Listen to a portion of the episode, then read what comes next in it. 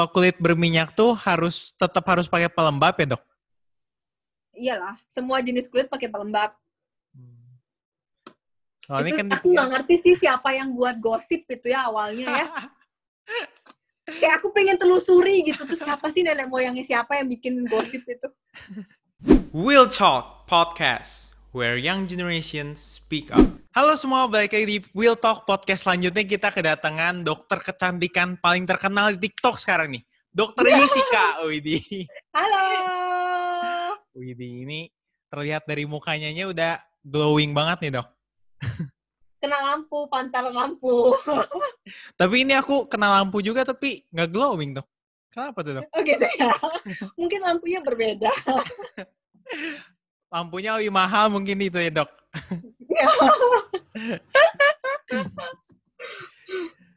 Aduh. Dokter Gimana nih. Will? Dokter kecantikan. Dokter itu benernya dok spesialis kecantikan atau dokter umum? Dokter umum. Oke. Eh, jadi kalau di Indonesia itu kita tetap semuanya harus umum dulu kan.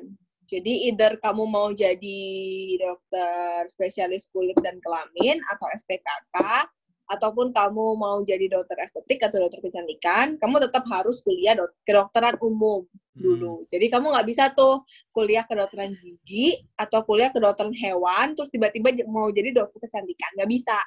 Jadi kamu harus kuliah kedokteran umum gitu. Nah, setelah kamu lulus kedokteran umum, baru kamu menentukan nih kamu mau kalau di Indonesia itu ada uh, anti aging.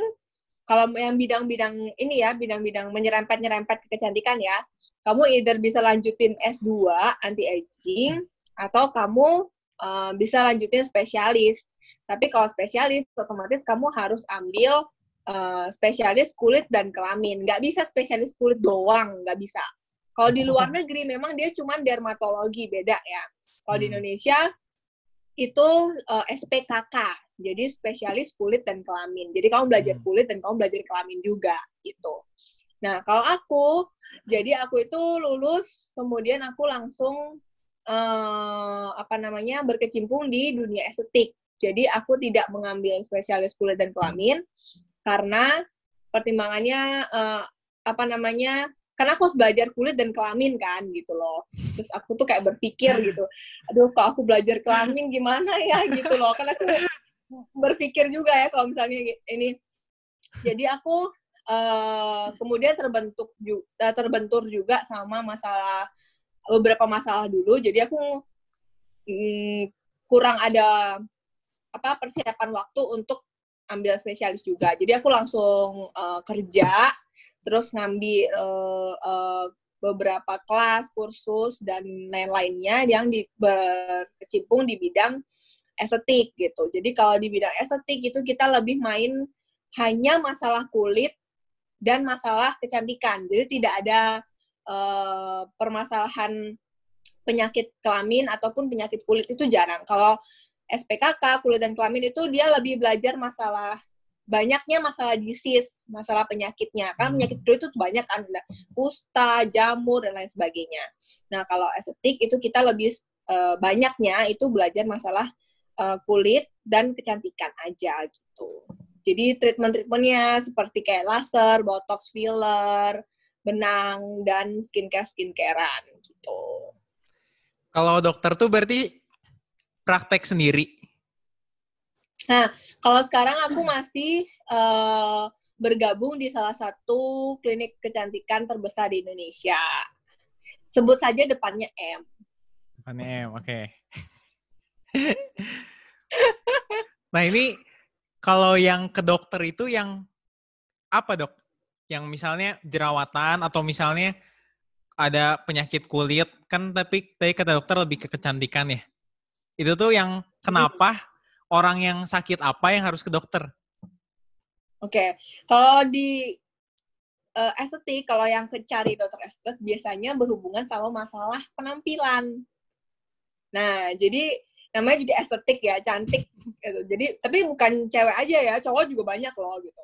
Uh. Jadi yang berhubungan sama masalah penampilan lah, kayak misalnya uh, jerawat, terus Hmm. flek, ya kan kalau banyak banget kan kayak mena- mengganggu penampilan kan gitu. Jadi lebih ke arah apa yang dilihat tuh di muka. Terus masalah kerutan, terus masalah kendor gitu mau dikencengin gitu. Jadi lebih ke arah kayak bentuk muka dan permasalahan di wajah yang mengganggu dalam tanda kutip penampilan.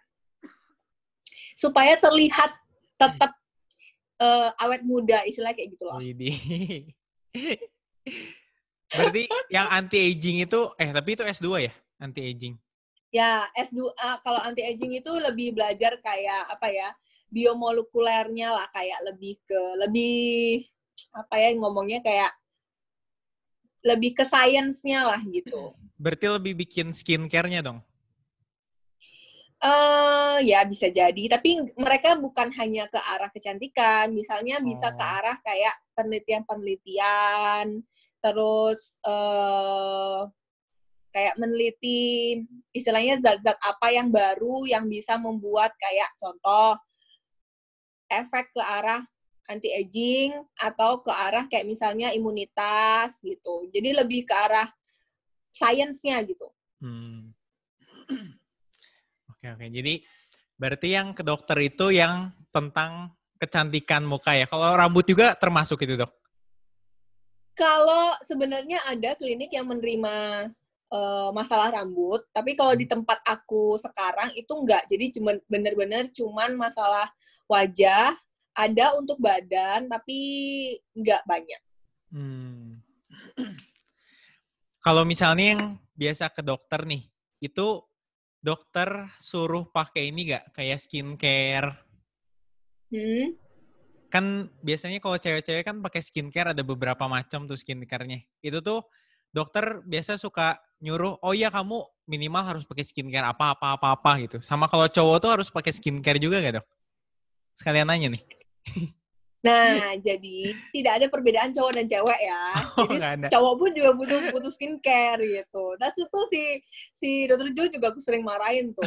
Jadi tetap harus pakai at least tuh kamu pakai sabun, pelembab sama sunblock deh. Semales-malesnya ini dia tiga gitu minim Hmm. Gitu. Jadi kalau misalnya tapi nggak sedikit juga loh sekarang cowok tuh yang bener-bener care sama penampilan. Jadi kayak mereka tuh justru skincare lebih banyak dari aku. Jadi kayak aku kaget, gue gila, skincare lu banyak banget. nah, dan tidak eh, tidak ada sebenarnya perbedaan spesifik kalau cowok tuh skincare-nya harus khusus cowok gitu sebenarnya nggak ada sih. Tapi kebanyakan itu kayak target atau permainan marketing gitu loh. Hmm. Jadi tidak ada ingredients khusus yang cowok harus pakai apa, cewek harus pakai apa enggak. Jadi semua tuh bisa dipakai.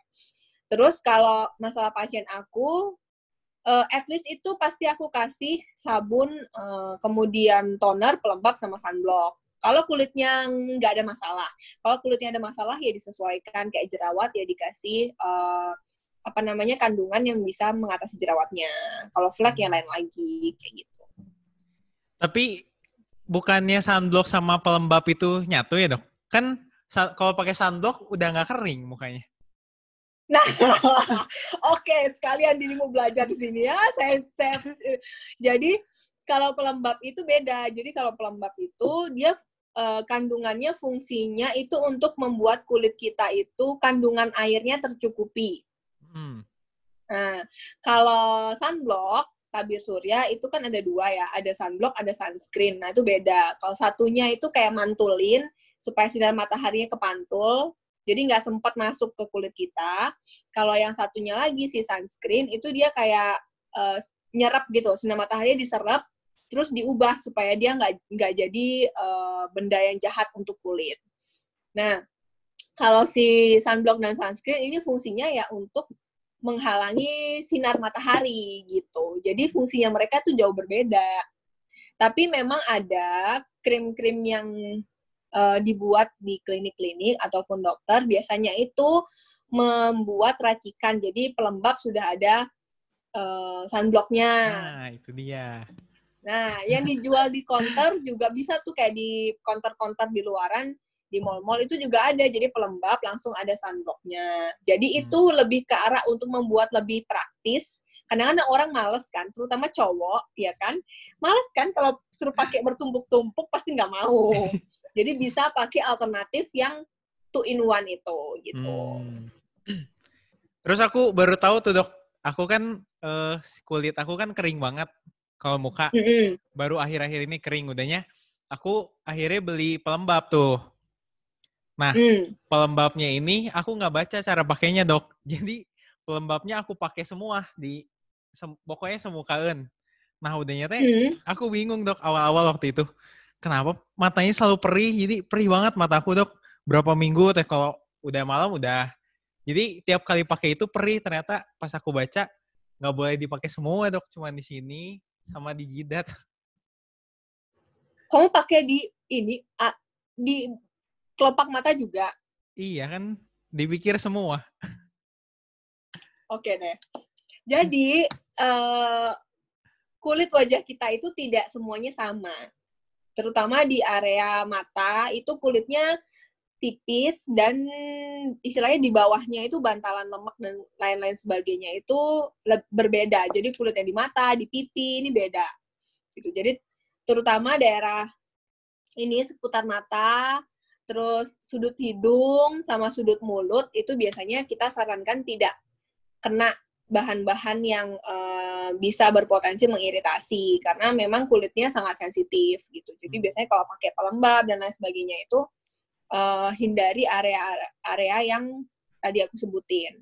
Tapi kalau sunblock ya tetap satu muka ya. Tapi oh. kalau untuk daerah mata biasanya itu bisa pakai eye cream yang ada sunblocknya ataupun sunblock yang memang uh, gentle untuk bisa ditaruh di ini apa daerah sekitar mata. Itu kalau misalnya sunblock ya, dok kita ngomongin sunblock nih itu tuh kan ada yang SPF-nya kecil, ada yang SPF-nya sampai beratus-ratus. Itu tuh SPF berapa yang okay. harus kita pakai dok? Aku dulu mikirnya kayak, wah, pokoknya berarti makin gede SPF, makin bagus nih dok. Oke, okay. sebenarnya Uh, di Indonesia itu karena kita kan dekat sama Katulistiwa ya kan, hmm. kita kan bener-bener di Katulistiwanya tuh, jadi kita sepanjang tahun itu bakal kena matahari ya kan. Beda kalau kayak di negeri yang empat musim, mungkin mereka uh, ada beberapa bulan yang nggak kena matahari ya kan gitu. Hmm. Nah kalau di Indonesia kita wajib pakai SPF minimal 30. Jadi kalau kamu pakai uh, pelembab, terus ada sunblocknya tulisannya two in one yang tadi, tapi SPF-nya cuma 15, nggak cukup. Jadi harus tetap ditambah ulang yang 30 gitu. Hmm. Tapi SPF 30 dan SPF 50 itu nggak jauh berbeda. Jadi kalau SPF 30 itu kayak uh, perkiraannya itu dia bisa memblokir sinar UV yang masuk 97 persen. Nah, kalau yang SPF 50 itu naiknya cuma satu persen, jadi dia bisa memblokir sinar UV 98 persen. Jadi kalau uh, maksudnya sebenarnya kita nggak terlalu perlu cari yang SPF 100 ya, dan aku juga kayak SPF 100 gitu. Jadi sebenarnya 30 dan 50 itu udah more than enough, cukup banget. Kalau misalnya pakai SPF yang 15 tapi pakai dua kali juga nggak bisa dok? Double Nggak gitu. bisa tetap. Oh, bisa. Lebih baik kamu 15 terus kamu dobelin pakai yang 30. Hmm. Kalau misalnya ini dok, uh, yang pakai skincare gitu ya dok, itu tuh mulai umur berapa dok? Sebenarnya semakin cepat kamu merawat kulit, itu semakin baik ya, terutama sunblock ya. Uh, kita berbicara skincare itu kan nggak harus pakai serum dan segala macam ya. At least tuh kalau pakai sabun, pelembab, sunblock itu tiga itu aja gitu. Mulai umur berapa, bayi pun di atas enam bulan itu sebenarnya kalau dia diajak ke pantai itu harus pakai sunblock. Jadi yang di bawah enam bulan itu setahu aku di bawah enam bulan memang tidak disarankan pakai sunblock, tapi harus ditutupin kayak pakai payung atau ditutupin kain lah gitu. Hmm. Tapi kalau di atas enam bulan, satu tahun itu sudah dianjurkan menggunakan sunblock yang memang uh, hipoalergenik kayak efek apa kayak chance untuk alergi kecil biasanya kan ada tuh di sunblock sunblock itu yang bisa digunakan untuk bayi, ibu hamil, nah itu boleh. Terus um, jadi sedari kecil itu at least kamu pakai pelembab sama sunblock sih nggak masalah ya. Kalau tapi kalau misalnya mau ditanya uh, umur berapa, biasanya kalau anak-anak itu kan males ya pakai begituan. Jadi biasanya yang mulai aware tuh remaja kan umur 12 tahun hmm. gitu. Ya udah mulai pakai lah. At least itu tadi sabun, pelembab, sunblock. Hmm. Tapi aku pernah kayak temen aku ya dok ngomong kayak dia tuh nggak pernah pakai sabun dok. Jadi maksudnya mm-hmm. kalau cuci muka kayak pakai air aja dok. Nah hmm. tapi dia mukanya bersih banget itu kenapa dok? tergantung tipe kulit juga. Kalau oh. misalnya tipe kulit kamu normal, itu mah benar-benar anugerah Tuhan itu. Jadi kayak kulitnya menter aja gitu dia paling kayak kayak apa ya? Aku juga pengen punya kulit normal. Jadi sebenarnya justru kita mencuci muka terlalu sering itu juga nggak bagus gitu. Jadi uh, sehari itu mencuci muka pakai sabun itu maksimal dua kali jadi biasanya kalau kamu kayak sering olahraga dan aktivitas di luar ya pagi pagi-pagi itu nggak usah pakai sabun, cucu, cukup cuci muka dengan air aja. Nah, yang wajib cuci muka pakai sabun ya setelah olahraga sama sebelum kamu tidur. Gitu. Oke, oke, Dok. Kita selanjutnya, Dok. Oh, ini produk, Dok kalau misalnya dari dokter sendiri ada kayak misalnya ke buat pasien ya dok, oh kamu pakai satu produk ini aja, kamu pakai misalnya produk L, pakai produk L terus saja, atau misalnya uh, cuci mukanya mas sabunnya pakai produk A, sunblocknya pakai B, terus serumnya pakai C gitu dok. Ah, sebenarnya tidak ada keharusan yang harus memakai satu brand produk ya tidak ada maksudnya kayak kalau dicampur-campur itu jelek gitu enggak sih. Cuman kadang-kadang uh, kelebihannya adalah kalau dia di produk yang sama atau brand yang sama, otomatis pabrik pembuatannya kan sama. Hmm. Nah, biasanya kandungan-kandungan yang dipakai itu lebih at least mirip-mirip gitu loh. Formulasinya dan segala macamnya itu lebih mirip. Jadi kemungkinan untuk terjadi kayak efek antara satu produk dengan produk lain kayak crash atau menimbulkan efek samping yang tidak kita inginkan itu uh, lebih kecil. Karena kan ada produk-produk yang misalnya kayak zat-zat tertentu itu yang nggak boleh dicampur kan gitu. Jadi kelebihannya itu. Tapi kekurangannya ya kamu tidak bisa lebih banyak explore gitu. Jadi kalau kalau saya sih lebih uh, prefer apa namanya menggunakan brand yang berbeda boleh, tapi lihat lagi balik lagi ke komposisinya.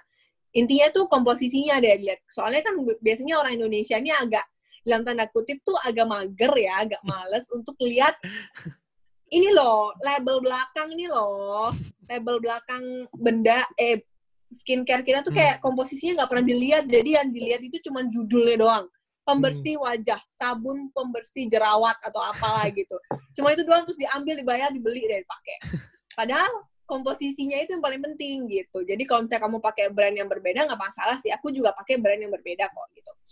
Jadi uh, yang paling penting adalah komposisinya. Tapi kalau kamu masih memang kayak males gitu atau dan kayak nggak ngerti dan sebagainya ya kalau kamu cocok dengan satu brand ya kamu alternatifnya kamu bisa pakai serangkaian dari brand yang sama. Gitu. Kalau tapi kenapa ya dok ada yang misalnya si orang A mah cocoknya sama brand A, si orang B cocoknya sama brand B. Kalau si B pakai brand A tuh malah jadi bisa uh, kenapa lah alergi atau kenapa itu gara-gara apa dok? Komposisi, makanya balik lagi ke komposisi karena uh, toleransi kulit itu berbeda. Jadi misalnya nih aku pakai brand uh, mereknya William ya. Terus terus uh, aku rekomendasi ini brand William ini ke Dr. Joe. Karena aku cocok kan. Ini bagus loh ini brand William nih sabunnya bagus. Terus aku kasih nih ke Dr. Joe. Belum tentu Dr. Joe itu memberikan respon yang sama seperti yang aku pakai Hmm. gitu karena toleransinya berbeda toleransi kulit itu juga dipengaruhi oleh genetik jenis kulit terus uh, gaya hidup lifestyle-nya gimana terus produk-produk skincare lain yang dia gunakan juga gimana. Terus caranya dia memakai skincare kayak ngolesin serumnya cuci mukanya caranya gimana itu semuanya berpengaruh gitu. Makanannya juga termasuk. Jadi kayak istilahnya apa ya kalau kita ngomong kayak uh, toleransi kulit itu kayak bagaimana kulit kamu bisa menerima produk itu gitu jadi itu akan berbeda-beda setiap orang ya memang tidak tidak tidak menutup kemungkinan kayak aku cocok dokter Jo juga cocok gitu tapi ada juga kemungkinan ada namanya probability ya. Itu tetap pasti ada ketidakcocokan gitu. Kayak di pengadilan aja kalau kita mau menggugat seseorang kan tetap ada probability dia tidak bersalah kan kayak gitu. Ya dok, siap dok. Bahasanya berat banget dok. kalau buat ngetesnya dok, aku pernah diajarin nih. Kalau kan waktu itu aku nyari pelembabnya, pelembab coba pakai merek apa? Kata mami aku tesnya cobain kalau nggak di sini, di ini di belakang kuping katanya. Biar coba hmm. alergi atau enggak, bener gak dok? Kalau kamu mau tahu kayak misalnya dia cepat nyerapnya apa enggak, terus berminyak apa enggak, terus uh, apa namanya lengket apa enggak boleh nih kayak di sini. Biasanya aku kalau jalan-jalan ke mall terus aku kayak mau cobain, aku cobain di sini. Nggak mungkin kan nyobain di sini gitu. Nyobain di sini. Jadi at least kita tahu tuh dia nyerap apa enggak terus berminyak apa enggak terus lengket apa enggak. Gampang kan dilihatnya tapi kalau kamu mau cek alergi apa enggak nggak bisa di sini. Kamu harus ceknya kayak di belakang telinga hmm. atau di hmm. leher. Karena daerah leher ini kan sebenarnya kulitnya lebih tipis daripada muka. Pasti pada nggak tahu. Jadi mereka biasanya hanya merawat muka. Lehernya nggak dikasih skincare. Sama aja lehernya keriput. Oh. Ya, jadi kalau kamu mau ngecek ya bawa di leher. Jadi kalau misalnya terjadi iritasi pun ya kan maksudnya bisa ditutupin tuh leher. Kalau muka kan waduh kelihatan ya kan. Tapi yang perlu di notes adalah lehermu itu uh, justru lebih tipis. Jadi kalau terjadi iritasi di leher, ya bayangkan saja leher yang kulitnya tipis saja iritasi apalagi muka gitu kan. Kurang lebih seperti itulah gampangannya. Berarti muka ini kenapa skincare macam-macam sama leher gara-gara kulitnya lebih tipis dok? Nah, gimana? Jadi muka kan kalau maksud aku aku tuh pernah berpikir kenapa sabun badan sama sabun muka harus beda itu tuh berarti gara-gara kulit muka lebih tipis jadi lebih sensitif gitu. Bukan lebih tipis tapi uh, anatominya berbeda. Kelenjar minyak di muka itu lebih banyak daripada di badan kita ini kelenjar minyaknya tuh dikit. Jadi hmm. memang anatomi kulitnya beda. Bukan, berarti kalau bukan tebal tipisnya loh. Berarti kalau cuci misalnya orang yang nggak ngerti ya dok, cuci muka pakai sabun badan gitu nggak boleh? Eh uh, kalau memang kayak kepepet ya di lagi di hutan camping terus nggak ada tempat beli sabun muka, nggak ada yang jual dan nggak ada yang bawa, cuman ada satu sabun badan, ya udahlah gitu. Tapi kalau masih bisa beli, ataupun masih bisa uh, cari, mendingan pakai yang memang khusus untuk muka. Terus mami aku nitip pertanyaan nih dok. Jadi mami aku nitip, kata mami aku, kan mami aku udah pakai kayak dari satu merek ini lama banget dok. Misalnya hmm. berbelas-belas tahun. Pakainya merek -hmm. ini terus. Nah itu tuh apakah boleh tetap pakai merek ini soalnya udah cocok atau harus nyobain jadi harus ganti ke merek lain? Uh, tapi kalau skincare-nya over the counter, jadi kamu kayak brand-brand di luar, uh, istilahnya secara general itu dia safe. Jadi untuk pemakaian jangka panjang it's okay. Tapi tap, kalau kamu dapatnya dari uh, dokter, kayak contoh krim racikan dokter, itu harus tanya ke dokternya langsung karena ada beberapa yang isinya contoh uh, hidroquinon, terus kayak uh, krim-krim anti iritasi kayak anti inflamasi yang mengandung apa bahan-bahan yang tidak boleh dipakai jangka waktu panjang ya itu memang harus di change gitu. Biasanya kalau kita kayak ngeresepin uh, obat-obat untuk flek gitu ya pakai tiga bulan. Setelah itu mungkin kita change dulu ke krim yang lain. Hmm. jadi tergantung kalau obat over the counter yang kamu bisa beli di mall dijual bebas itu notabene uh, lebih safe untuk jangka panjang. Berarti nggak harus ganti ya dok? Soalnya mami aku kayak dengar-dengar katanya udah pakai yang satu sama terus harus cobain yang lain. Soalnya yang ini takutnya mungkin ada nggak tahu sih kenapa juga. Enggak sih, hmm. nggak apa-apa mau dipakai terus nggak apa-apa. Cuman mungkin biasanya orang itu kayak merasa uh, tidak ada perubahan lagi setelah memakai produk yang sama dalam jangka waktu yang lama gitu. Karena ya memang misalnya kita pakai vitamin C untuk mencerahkan kulit nih tiga bulan pertama bagus cerah karena memang kan khasiatnya vitamin C untuk mencerahkan ya. Nah misalnya dari ton nih misalnya, aduh gimana jelasinnya? Misalnya dari lima ton ya, jadi ini yang paling gelap. Terus setelah pakai vitamin C, eh gimana sih? Nah dia naik ke ton yang ini ya kan? Nah, yang perlu diketahui adalah uh, warna kulit itu tidak mungkin berubah drastis. Mungkin dari yang benar-benar hitam gitu kayak uh, orang Afrika mau jadi putih kayak orang Korea yang nggak mungkin.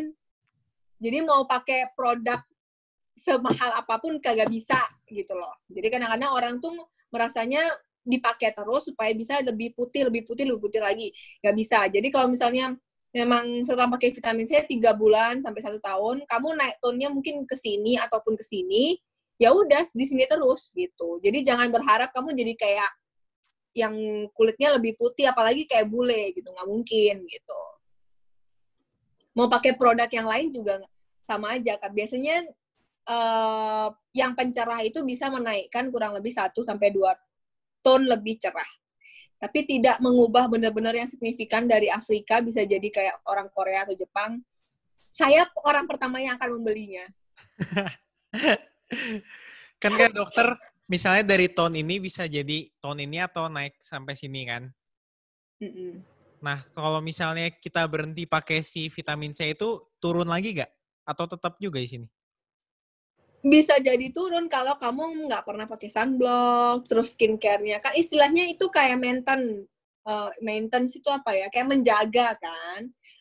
Nah, tapi inget juga kalau kita sehari-hari itu kan kena matahari terus, matahari tetap ada.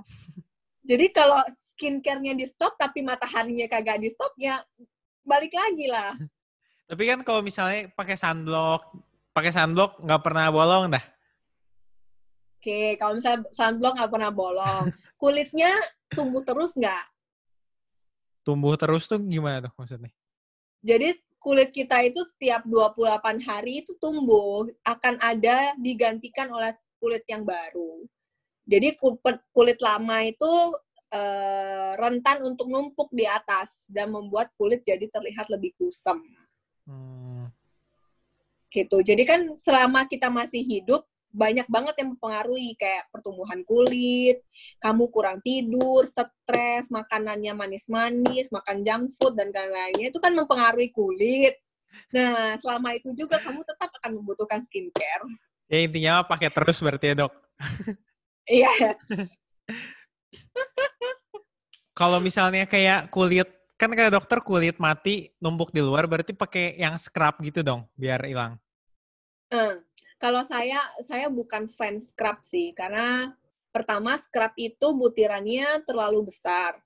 Kebanyakan ya, butirannya itu kan kasar tuh ya. Hmm. Jadi resiko untuk F, uh, over exfoliate atau kita membuat luka, meskipun nggak kelihatan luka, tapi itu kayak membuat luka kecil-kecil yang mungkin tidak terlihat atau kasat mata, itu merusak uh, lapisan kulit kita yang paling luar gitu. Jadi kalau saya biasanya lebih suka chemical exfoliate. Entah itu kamu chemical di dokter, chemical peel di dokter, atau kamu menggunakan toner exfoliate. Kalau sekarang kan udah banyak banget ya kayak produk-produk yang untuk exfoliate. Kayak toner udah banyak banget juga brand-brand dan kandungannya macem-macem gitu. Jadi saya sih prefer pakai itu gitu. Hmm. Jadi kandungan yang dijual pun itu dalam tanda kutip persentasenya masih safe untuk digunakan uh, sendiri gitu. Tapi ada juga sih yang kayak brand-brand tertentu kandungan konsentrasinya tinggi banget itu uh, kurang saran kalau baru pertama coba. Jadi kalau baru pertama coba pakailah yang kandungannya rendah. Konsentrasinya rendah, ya mulai dari seminggu sekali dulu gitu.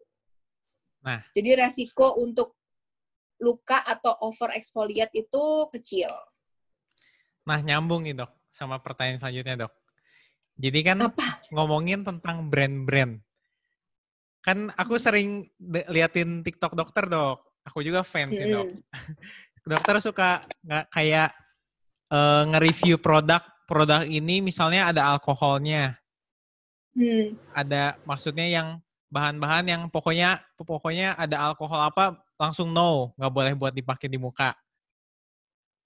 Hmm. Nah, kenapa brand itu masih ngejual produk itu udah tahu nggak boleh dipakai?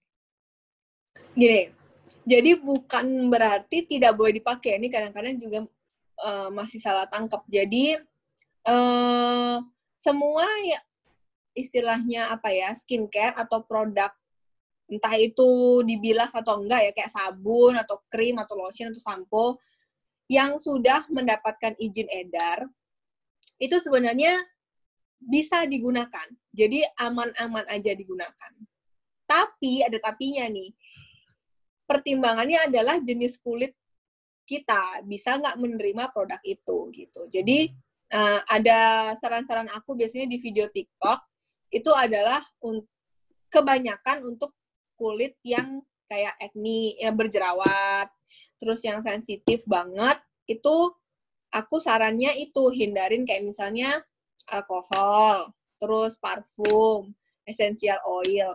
Itu dia berpotensi untuk istilahnya apa? Kayak tadi kulitmu tuh berpotensi untuk tidak bisa menerima gitu. Hmm. Tapi kenapa dia masih dijual? Karena memang bahan itu bukan seperti contoh ya aku sebut label uh, bukan seperti merkuri. Kamu tahu merkuri kan? Tahu. Nah, kalau merkuri itu memang tidak boleh sama sekali dipakai. Makanya dia tidak tidak akan mendapatkan nomor izin BPOM ataupun izin edar kalau ada merkurinya. Hmm. Nah, contoh yang benar-benar tidak aman dan tidak boleh adalah merkuri. Tapi kalau kayak alkohol, parfum, essential oil, ini boleh dipakai, tapi sekali lagi dia bisa berpotensi sebagai irit, uh, iritan atau alergen terhadap orang-orang tertentu yang memiliki kulit yang bereaksi terhadap zat-zat itu. Hmm. gitu. Jadi kalau mau cari aman, kan orang Indonesia pengennya tips simple dan mudah ya kan, nggak perlu ribet, nggak perlu coba-coba. Ya udah kalau mau aman dan simple, cari yang nggak ada itu gitu. Hmm. Jadi potensi kalau kulitmu teriritasi itu sedikit gitu loh. Soalnya gini dok, kan aku misalnya ngelihat yang dokter nih, kata dokter pokoknya yang merek-merek ini dilihat ternyata komposisinya kurang bagus jadi X gitu kan. Nah, gara-gara ngeliatin video dokter ini di scroll FYP lagi jadi banyak dokter-dokter kulit luar dok. Terus mereka tuh kayak, oh mereknya ini lagi, tipenya yang ini lagi. Jadi aku mikirnya, oh pokoknya ini mah jelek aja. Jadi aku pikir kayak nggak boleh banget. Berarti itu mungkin salah satunya kayaknya scrub ya. Hmm, iya iya. Kalau scrub itu memang apa ya? Kalau yang mengerti mengerti banget uh, ini apa tuh anatomi kulit kalau yang satu itu tuh memang kayak penjahat gitu kayak dia bisa buat something yang jelek gitu. Soalnya tuh aku tuh dulu, dulu pernah coba yang itu pasti mereknya itu deh karena itu dong. Jadi aku tuh dulu pernah coba gitu jadi kayak mungkin tiga tahun yang lalu ya aku pernah coba Terus setelah aku coba itu terjadilah nightmare, oh my god, mimpi buruk. Terus karena aku gak pernah pakai lagi, jadi aku pakainya di kaki buat scrub kaki. jadi ya memang kalau itu tuh aku mengalami sendiri dan memang setelah dipelajari itu yang nggak gentle sih, karena kulit itu kan istilahnya kalau kamu semakin keras, semakin kamu kayak nggak hati-hati, nggak pelan-pelan, dia akan rusak gitu. Karena kan ada pelindungnya tuh jadi di luar itu di kulit kita nih misalnya kulit, Jadi di lapisan terluar tuh kayak ada lapisan transparannya gitu loh, yang tipis-tipis. Nah, itu tuh rentan terhadap sesuatu yang kasar, istilah kayak gitu. Makanya kenapa itu tuh agak dibenci memang kalau yang bener-bener kamu mengetahui bahwa kulit itu perlu sentuhan lembut. Cie, sembuh. Oke. Okay. Benar, benar. Ini kita ngomongin merek yang sama nggak, dok? Jangan-jangan ternyata kita nggak nyambung, dok. yang depannya, depannya S, S. Kan? Oh iya, bukan. Aduh. Iya itu sering ya, banget aku semua. ngelihat. Sering banget. Dokter dalam negeri, luar negeri, banyak banget. Pasti kalau misalnya ada yang tentang rating-rating juga jelek. Udah Iya sih. Soalnya dia pakai scrub nih kasar banget. Kalau kamu benar-benar beli, kalau kamu pernah beli dan kamu coba, coba di tangan aja deh gila. Itu, itu kayak kayak amplas loh beneran. gila amplas. Emang kalau kulit dokter tipenya apa dok? Kalau aku kombinasi, tapi lebih cenderung berminyak sih. Hmm. Jadi pori-pori aku tuh besar. Tipe kulit emang ada apa aja dok? Berminyak sama kering? Jadi ada sama berminyak, teh ya. Ada, ada kering, hmm. sama teh. Terus ada kombinasi, kombinasi itu yang teh kamu bilang. Hmm. Jadi berminyaknya cuma di teh sini doang.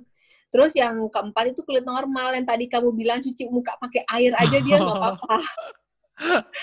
kulit normal tuh kayak kulit bayi, bener-bener literally nggak ada pori, nggak ada sih pori-pori, cuman kayak nggak kelihatan gitu loh. Misalnya kayak seamless terus kulitnya kayak kulit bayi lah pokoknya aku benci banget kalau udah kelihatan orang kulit normal. Ya. Tapi jarang ya dok kulit normal. Kan normal harusnya kalau normal tuh berarti paling banyak dok. Kenapa ini jarang ya? Uh, nggak jarang juga loh. Banyak juga yang kulit normal. Tapi lebih banyak orang itu banyak kan kombinasi. Hmm. gitu ya, yang juga, kulit Aku juga Hah?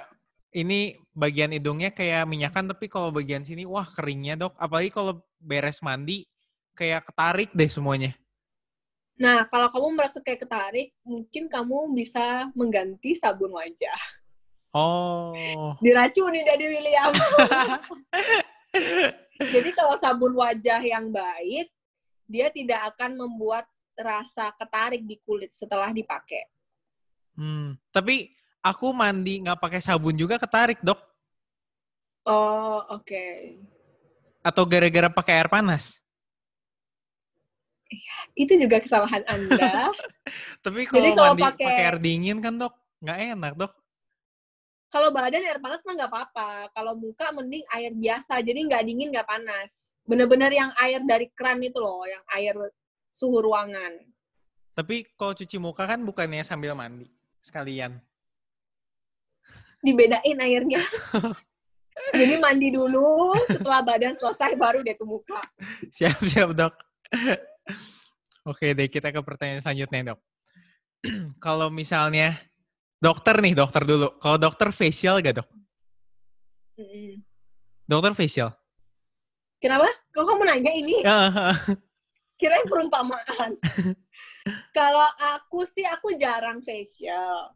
Pertama karena aku nggak suka dipencet. Jadi aku tuh nggak betah sakit. Jadi hmm. kalau dipencet tuh kan agak sakit. Sakit banget dok. Bukan agak sih, sakit sih. sakit banget. Jadi aku nggak betah, jadi aku nggak suka facial. Jadi aku uh, rutin melakukan peeling aja. Peeling tuh yang... Terus kalau misalnya memang ada yang uh, kayak apa clogging tersumbat gitu, ya baru diekstraksi ya kayak facial itu jadi kayak diekstraksi baru. Tapi bukan yang semuanya dikeluarin gitu enggak. Berarti jadi karena aku sih enggak mm, nggak mm, tahan sama sakitnya sih lebih ke arah dan nggak hmm. suka aja dipencet-pencet gitu. Berarti nggak harus di facial ya dok? Sebenarnya tidak harus melakukan facial tapi kalau kamu jenis kulitnya tuh banyak beruntusan dan clogging, ya memang ada benefit melakukan facial karena kalau facial itu kan kamu diberikan serum ataupun menggunakan alat-alat yang mempermudah mengeluarkan komedo yang terperangkap di dalam atau close hmm. komedo. Hmm. Karena kalau dipencet sendiri dan bla bla bla kan rentan pertama rentan jadi jerawat, kemudian rentan bekas, ketiga nggak steril kan. Hmm. Kalau di uh, tempat facial yang perlu digarisbawahi tempat facialnya harus yang benar, jangan salon-salon yang nggak jelas. Jadi yang alatnya harus ya? steril gitu dan lain sebagainya. Hmm. Itu uh, bisa dipertimbangkan. Kalau misalnya nggak facial ya dok, gimana biar kayak uh, komedo gitu nggak ada? Itu harus dipencetin keluar sendiri dok emang? Double cleansing sama menggunakan eksfoliasi. Double cleansing. Jadi kamu double cleansing itu kan double cleansing itu kan menggunakan uh, oil atau balm cleanser dulu, baru sabun muka. Nah, hmm. dengan kamu double cleansing itu sudah membersih, lumayan membersihkan gitu. Coba hmm. deh kamu uh, cuci muka pakai sabun aja, terus besoknya atau seminggu depannya itu kamu pakai uh, double cleansing. Jadi pakai oil atau balm cleanser, tapi benar-benar yang untuk cuci muka ya, bukan baby oil ya. itu warga 62 nih, ah, disuruhnya pakai oil cleanser malah pakai baby oil lagi jadi bener-bener oil cleanser atau balm. Balm itu jadi bentuknya kayak balsam gitu loh, bener-bener padat. Tapi setelah taruh di muka dia melting. Hmm. Nah, kemudian 30 detik aja tuh di apa bersihin, terus kamu cuci muka lagi pakai sabun. Itu kerasa banget kok bedanya, maksudnya komedo dan sebagainya itu kerasa. Tapi bukan berarti komedo semua langsung tiba-tiba hilang ya. Tapi itu lama-lama bisa hilang atau yang sekarang udah di dalam harus dikeluarin dulu? Nggak usah, tidak harus dikeluarkan karena dia dengan kita bersihkan yang benar, terus kamu eksfoliat, eksfoliat itu kan kulit matinya diangkat. Hmm. Dengan kamu mengangkat kulit mati, itu juga yang komedo yang sudah ada di agak atas-atas itu dia akan terangkat hmm. juga. Berarti yang pakai uh, chemical exfoliate itu ya dok? Mm -hmm. Hmm. Boleh ke dokter dengan chemical exfoliate, tapi kalau ke dokter tuh sebulan hanya boleh sekali ya, karena konsentrasinya tinggi biasanya kalau di dokter. Jadi dirancang memang untuk sebulan sekali. Kalau yang toner, toner exfoliate yang kamu bisa pakai di rumah sendiri, itu boleh kamu lakukan seminggu sekali atau dua kali. Hmm. Soalnya aku aku juga waktu itu sama mami kan disuruh uh, apa uh, facial kan dok? Wah, facial. itu aku beneran dok sampai keluar air mata ini. Sakit banget. Ya kok aku, kalau facial aku juga keluar air mata. Udah mah nunggunya kesel kan lama. Terus tiap kali dipencet tuh kayaknya kayak pengen nonjok orang gitu. Sakit banget. Aduh. Ya, Marah. tapi kalau sukanya instan dan nggak mau repot ya udah facial aja gitu. Tapi kalau kamu orangnya telaten bisa uh, skincare skincarean ya udah skincare aja. Telaten, telaten aku dok. Nah. Tapi dok kalau misalnya orang yang nggak pernah facial, terus udahnya dia disuruh facial, sudah facial tuh mungkin nggak jadi pori-porinya besar, jadi malah makin jerawatan, soalnya kan dipencet-pencetin. Sebenarnya kalau memencet itu tidak menyebabkan pori-pori besar. Hmm. Tapi apa namanya teknik yang salah atau uh, penggunaan alat yang salah itu bisa jadi kayak bikin uh, luka atau apa namanya uh, komedo yang dikeluarkan itu kan nggak nggak tuntas dia ngeluarinnya. Jadi bisa chance untuk terjadilah uh, jerawat gitu. Jadi hmm. pem, pengerjaannya nggak benar caranya salah tidak tuntas dan plus alatnya tidak steril. Ya udah jerawat lah itu pasti. Gitu. Jadi kalau mau facial ya benar-benar dipastiin di tempat yang alatnya steril terus uh, istilahnya yang melakukan itu memang sudah benar-benar berpengalaman berarti yang membuat jerawat itu apa dok kotor iya tidak steril mungkin alatnya Oh enggak, maksudnya kalau misalnya lagi biasa-biasa dok, apa yang ngebuat jadi ada jerawat? Tidak. Jadi orang-orang tuh berpikir kalau jerawatan itu karena kita kotor. Justru habis itu setelah berpikir muka kita kotor, dia cuci muka lah sehari empat kali. Justru itu yang mungkin bikin jerawat karena yang tadi aku bilang uh, lapisan pelindung kulitnya itu rusak karena sering-sering disabunin. Hmm jerawat itu nggak nggak melulu masalah kotor bisa jadi kayak makanan terus hormon kalau kayak cewek kayak aku gini kan kalau mau ada siklus bulanan pasti kayak ada jerawat satu gitu. Ini kayak aku udah jerawat ada satu di dagu.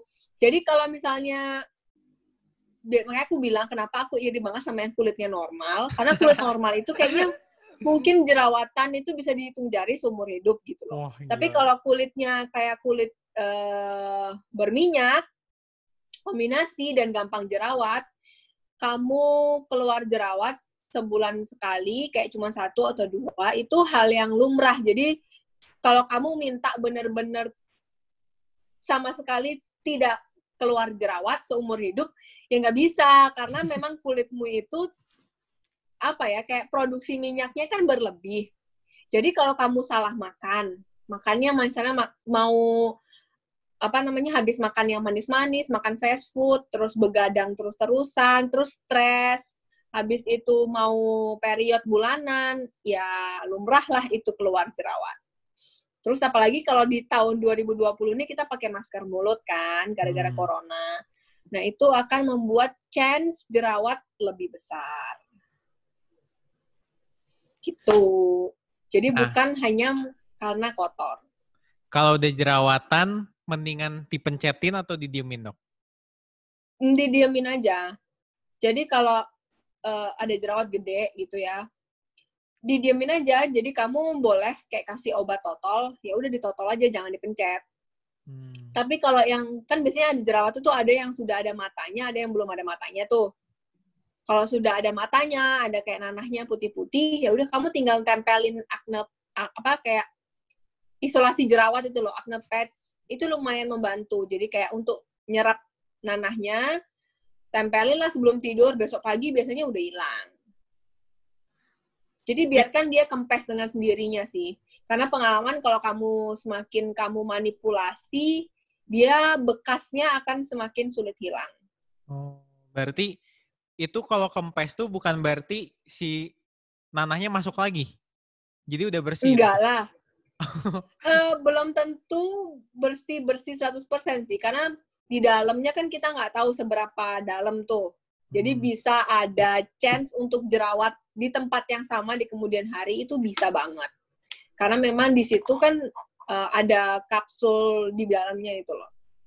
Tapi kalau dia sudah keluar uh, matanya, nanahnya biasanya lebih jarang untuk dia muncul lagi.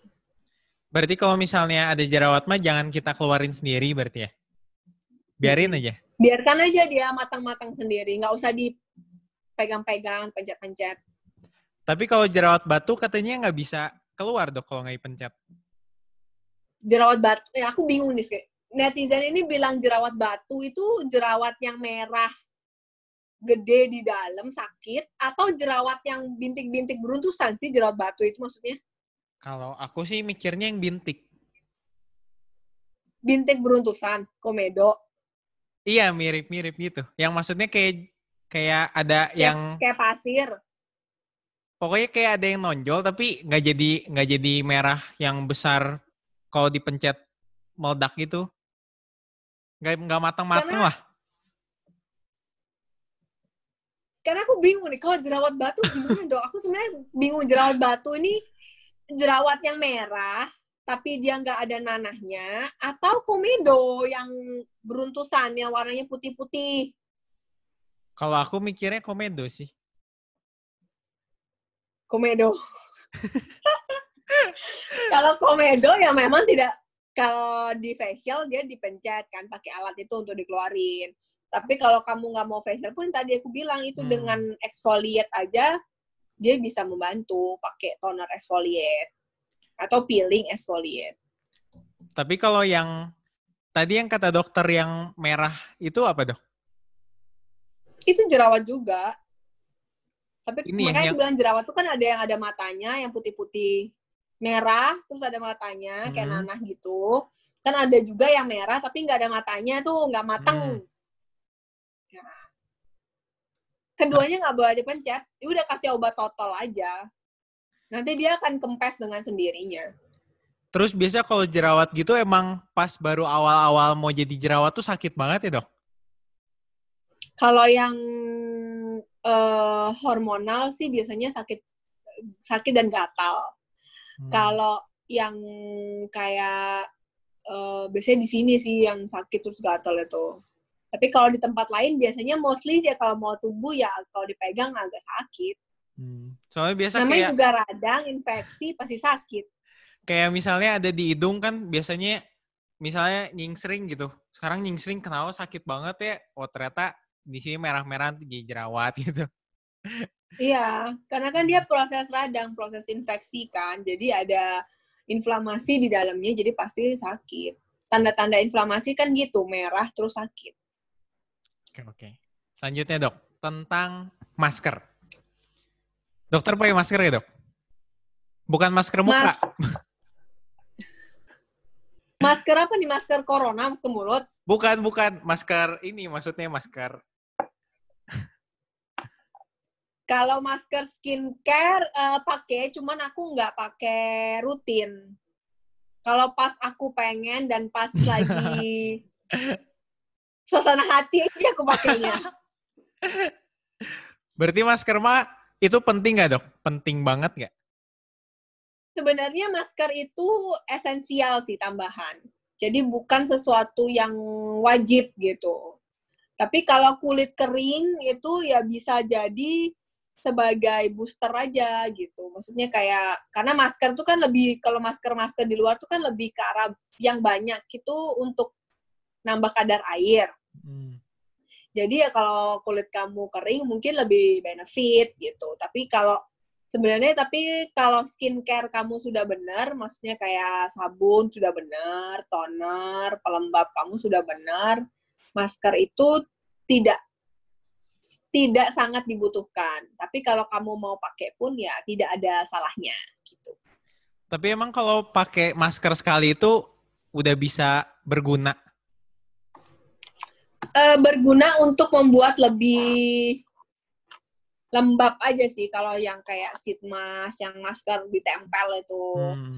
Terus clay mask gitu ya lumayan lah untuk kayak biasanya dia kayak nyerap gitu kan kalau clay mask tapi ya uh, sekali lagi kalau aku sih bukan hal yang utama hmm.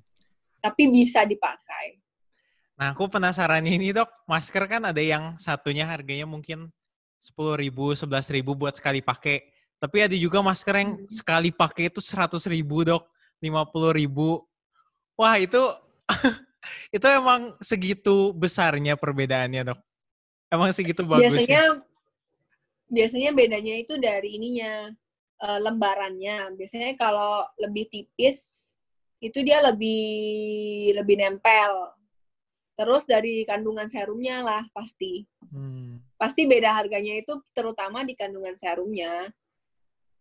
Kayak formulasinya dan segala macamnya. Meskipun sama misalnya nih produk A sama produk B sama-sama mengandung vitamin C gitu misalnya. Tapi formulanya mereka, cara buatnya, packagingnya, dan sebagainya itu kan berbeda pasti brand A dan brand B.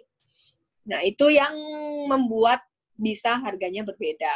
Tapi tidak menutup kemungkinan juga aku pernah lihat kayak produk A, B, dan C itu kalau kamu lihat komposisinya tuh sama persis gitu. Kayak bener-bener literally sama gitu. Ya udah pilih aja yang paling murah kalau sama persis mah gitu. Tapi kalau brand A sama brand B kamu lihat komposisinya beda dan harganya beda ya jangan di compare. Hmm. Kan kita makanya lihat komposisinya. Kalau misalnya harga itu pasti karena entah kandungannya, cara dia membuatnya kan pasti beda. Mendingan masker sepuluh ribu sepuluh kali atau masker seratus ribu sekali dok? Nah, tidak bisa memilih. Tapi kalau yang eh, sepuluh ribu sepuluh kali juga ya kayak keduanya aku nggak pilih deh. Kayak aku mending pilih yang harganya di tengah-tengah, tapi aku bisa pakai lebih sering. Berarti yang lima puluh ribu dua kali dong? ya mungkin itu lebih lebih lebih benefit kali kayak misalnya sekarang sepuluh ribu sepuluh kali tapi sepuluh ribu nggak ada apa-apanya, nggak ada, maksudnya nggak ada ininya kayak cuman ya udah cuman kayak serum-serum biasa aja gitu kan. Saya nggak ada biasanya kalau lebih uh, ada harga pasti ada formula yang lebih bagus gitu. Jadi biasanya ya jangan cari yang paling murah gitu, kayak carilah yang mungkin di atasnya sedikit atau dua tingkat di atasnya biasanya sih lebih benefit. Tapi tergantung lagi komposisinya, kayak tadi aku bilang ada brand A, brand B, brand C sama persis plek plek plek. Ya udah beli yang paling murah kalau yang itu mah gitu. Tapi kalau beda banget komposisinya ya carilah yang lebih di atas sedikit daripada yang paling murah. Nah ini ngomongin komposisi ini dok, maksudnya gimana sih dok? Misalnya kita lihat masker ya dok, komposisi apa yang harus kita lihat ada di masker itu? Soalnya kayak orang awam kan nggak ngerti baca komposisi bahasa apa gitu dok. Kalau mas masker itu nggak nggak bisa kayak kita mau cari apa ya tergantung kamu maunya dan permasalahan kulitmu apa. Kalau misalnya kulitmu kusem, kamu pakai masker supaya lebih cerah ya carilah yang ada vitamin C-nya. Tapi lebih enak kamu pakai beli aja serum yang ada vitamin C-nya. Kenapa harus masker? Hmm. Kalau misalnya uh, kulit kamu kering, mau cari yang untuk melembabkan, ya cari yang ada hyaluronic acid-nya. Tapi ya sekali lagi ada kok serum yang ada hyaluronic acid-nya. Kenapa nggak beli serum aja? Makanya aku bilang masker itu tidak terlalu penting kalau skincare kamu udah bener, kayak serum kamu udah bener, kayak gitu-gitu. Hmm. Berarti kita ngafalinnya kayak misalnya mau lebih cerah pakai vitamin C. Kalau misalnya mau melembabkan hyaluronic apalah itu. Nah, kita baru cari yeah. komposisinya di skincare-nya gitu ya. Jadi cari bahan aktifnya. Kalau kamu mau cerahin kulit kan bisa cari vitamin C, arbutin, kojic acid, niacinamide itu boleh. Jadi cari bahan aktif kamu maunya kulit kamu itu dikasih obat apa, istilah kayak gitu. Wah. Tapi Karena kebanyakan masker itu ya isinya sama aja sih, gak bahan aktifnya aja yang beda-beda. Hmm. Berarti duitnya lebih mending buat skincare daripada masker ya dok? Benar gak? Gak juga. Kalau aku sih iya. Oh. Karena kayak masker itu kebutuhan tersier. Nah, kalau skincare kebutuhan primer. Nah, kayak gitulah. Hmm, siap, siap. Terus terakhir dok kalau tentang masker. Masker itu ada yang uh, ngomongnya dari tree oil, dari cucumber. Itu tuh marketing doang atau emang beneran segitu pengaruhnya. Kan kalau misalnya Misalnya, kita ke toko nih, maskernya ini yang harganya belasan ribu ini ada 20 macam, Dok. Yang ini dari uh, timun gitu. Biasanya itu ekstraknya agak sedikit ya, kayak misalnya ada cucumber ya ada ekstraknya. Ini aku di sini ada tiba-tiba ada sheet mask di sampingku. Wih. Enggak, ini misalnya contoh kayak sheet mask ini. Nah, terus ini isinya hyaluronic acid yang paling banyak. Ya, berarti dia lebih ke arah untuk melembabkan kulit, ya kan? Hmm. Nah, tapi di dalam-dalamnya itu biasanya ya ada juga kayak apa namanya alkohol, gliserin, arginin, kayak gitu. Maksudnya berarti dia banyak campuran lainnya gitu kan. Nah, campuran-campuran inilah yang kita nggak tahu juga kan. Jadi mending ya udah pakai serum aja hyaluronic acid gitu. Kalau aku sih gitu. Terus kalau kamu mau tahu kandungannya banyak apa enggak itu lihat di komposisi. Misalnya nih uh, kamu tadi bilang misalnya cucumber, ekstrak hmm. timun gitu ya. Lihat aja yang kata apa di komposisinya itu. Aduh kelihatan nggak sih ini aku pakai screen soalnya. Jadi di komposisi hilang. Terus di depanku nah ini nih. Nah, iya iya. Di jadi di komposisinya itu kan biasanya pasti ada komposisi. Nah, nah cari aja yang ekstrak cucumber bla bla blanya itu nomor berapa. Kalau kayak misalnya ini nih uh, dia ada kandungan tea tree oilnya, tapi tea tree hmm. oilnya nomor tiga dari bawah. Ya berarti dikit banget lah itu ngaruh. Jadi kalau dia kalau kamu mau cari lihat di komposisinya. Jadi kalau dia ditulis pertama atau kedua atau ketiga ya berarti dia tinggi lah ya oke okay lah gitu. Tapi kalau ditulisnya udah terakhir-terakhir paling bawah udah nggak guna.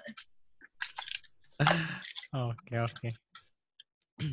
Berarti bisa jadi itu marketing dong biar kayak keren dok.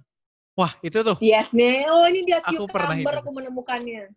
Aku Ada pernah cute. beli itu. Cucumber. Dapat. Kamu belum beli ini? Mm-mm.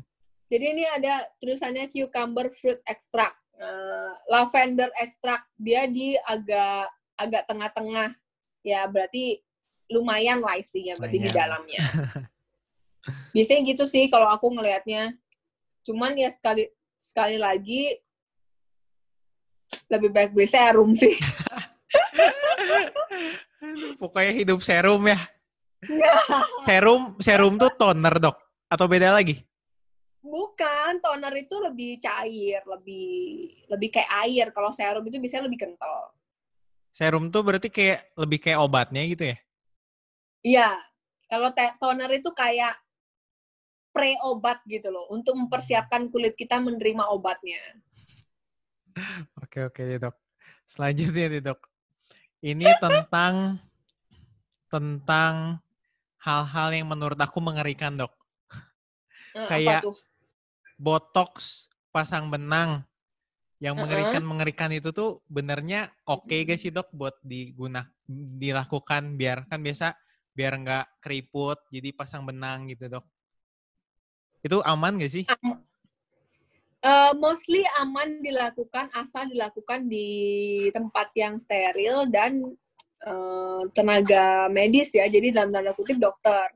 Karena banyak yang kayak hmm, orang yang bukan dokter itu melakukan gitu. Nah ini yang akhirnya mencoret nama dari botox, filler dan benang. Karena efek Hmm. sampingnya pasti banyak dong kalau yang melakukan bukan dokter.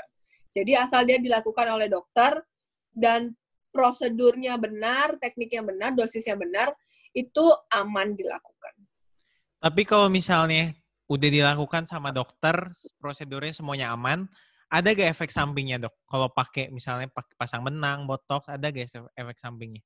Kalau efek samping ya tetap pasti setiap setiap tindakan medis itu tetap ada efek samping. Kayak kita mau lahirin bayi ada efek samping, operasi juga ada efek samping gitu. Semua tindakan yang dilakukan pasti ada kemungkinan efek sampingnya. Tapi sekali, sekali lagi kayak eh, asalkan dokternya tahu cara mengatasi efek sampingnya itu aman-aman aja. Hmm. Misalnya kalau kayak pasang benang tuh berarti benang dipasang di dalam kulit. Iya, tapi bukan benang jahit ya. Oh beda benangnya. Be- beda lah benangnya.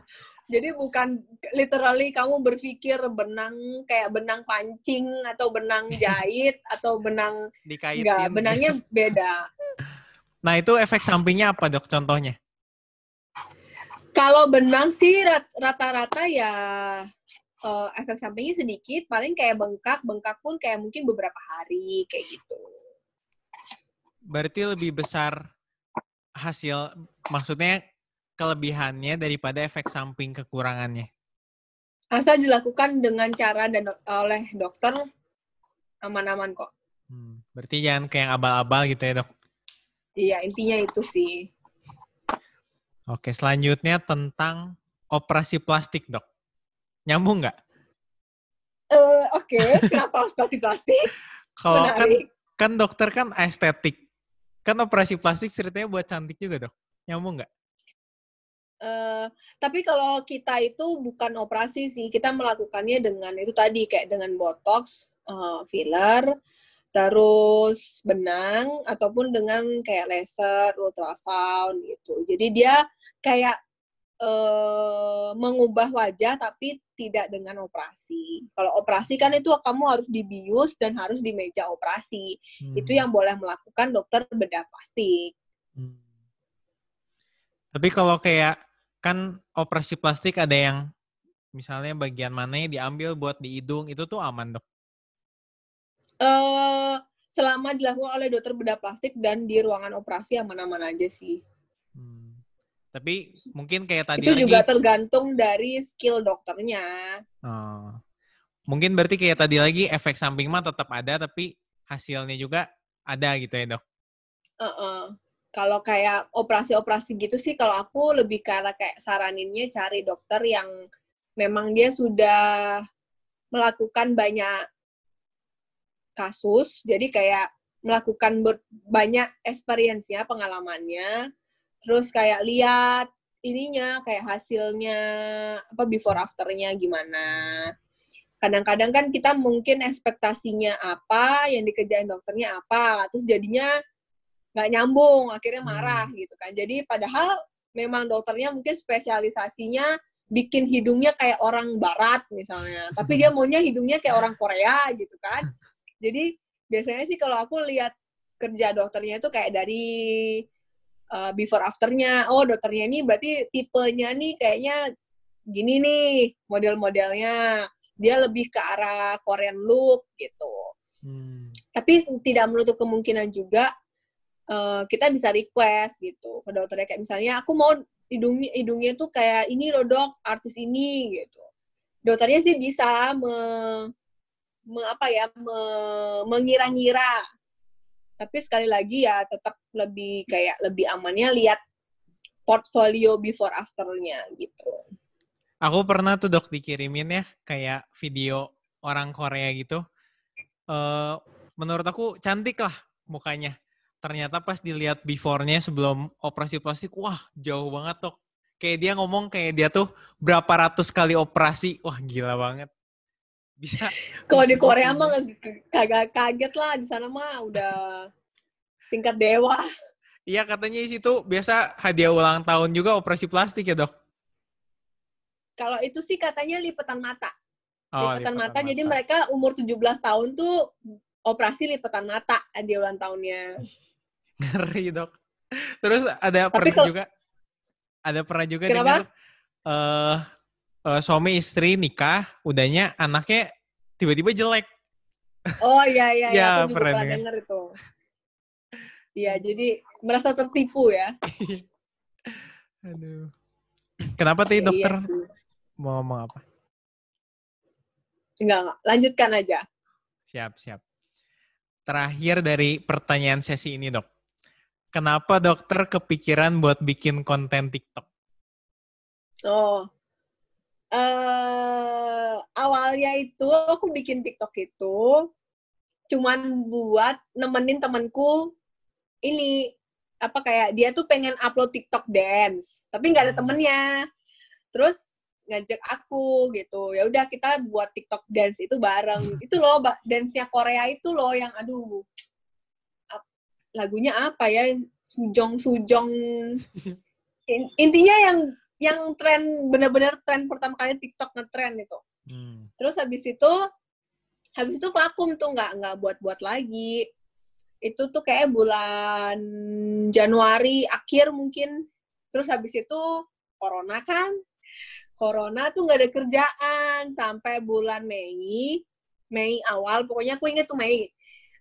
Tanggal 3 apa 4 apa 5 gitu. Pokoknya awal-awal banget itu aku ngeliat lah di TikTok pun aku karena nggak ada kerjaan ya kan kita di rumah ya kali ngapain ini ngeliatin TikTok dah akhirnya adalah suatu TikTok siapa ya aku juga lupa jadi kayak dia ngasih kayak influencer gitu loh kayak ngasih info tentang obat jerawat nah obat jerawatnya ini dong ini tuh nggak boleh sebenarnya dipakai uh, umum gitu jadi benar-benar obatnya itu atas seresep dan uh, sepemantauan dokter karena efek sampingnya tuh banyak banget gitu loh. Hmm. Terus kayak wah ini nggak bener ini. Dan itu beredar dong di sosial media kan. Terus banyak banget lagi yang ngeliat dan yang banyak banget yang likes. Kayak banyak banget juga yang komen beli di mana beli di mana dan segala macem. Gila ini nggak bener ini. Terus habis itu ya udah. Terus dari situ si dokter Jo bilang kayak eh kamu nggak nggak mau buat TikTok? Kayak kamu ini deh bisa deh kayak memberi um, buat edukasi-edukasi soal kulit kayak gitu-gitu. Jadi uh, istilahnya meluruskan tanggapan atau pendapat orang yang beredar yang kurang tepat gitu loh karena kan hmm. mungkin memang obat itu manjur di dia tapi belum tentu itu bisa berefek yang sama di orang lain atau malah memberikan efek samping yang lebih banyak di orang lain gitu. Jadi kayak uh, ada hal-hal yang kurang tepat disampaikan gitu di media sosial itu gitu. Jadi kayak aku kayak gimana ya kayak kita kan dokter kayak merasa kayak punya tanggung jawab gimana gitu kayak ini nggak bener ini nggak bener ini nggak bener gitu ya udah akhirnya aku buat lah karena disuruh juga sama si dokter rujukan buat aja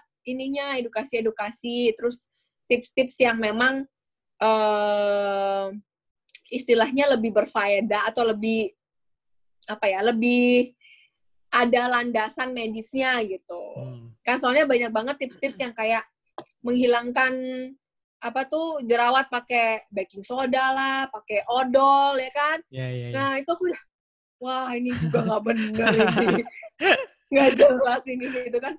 Maksudnya tuh kayak uh, kalau warga-warga Indonesia ini banyak melihat pendapat-pendapat uh, yang kurang ada landasan uh, medis atau ilmiahnya dan dicoba dan akhirnya terjadi efek samping yang lebih banyak kan kasihan kan gitu loh.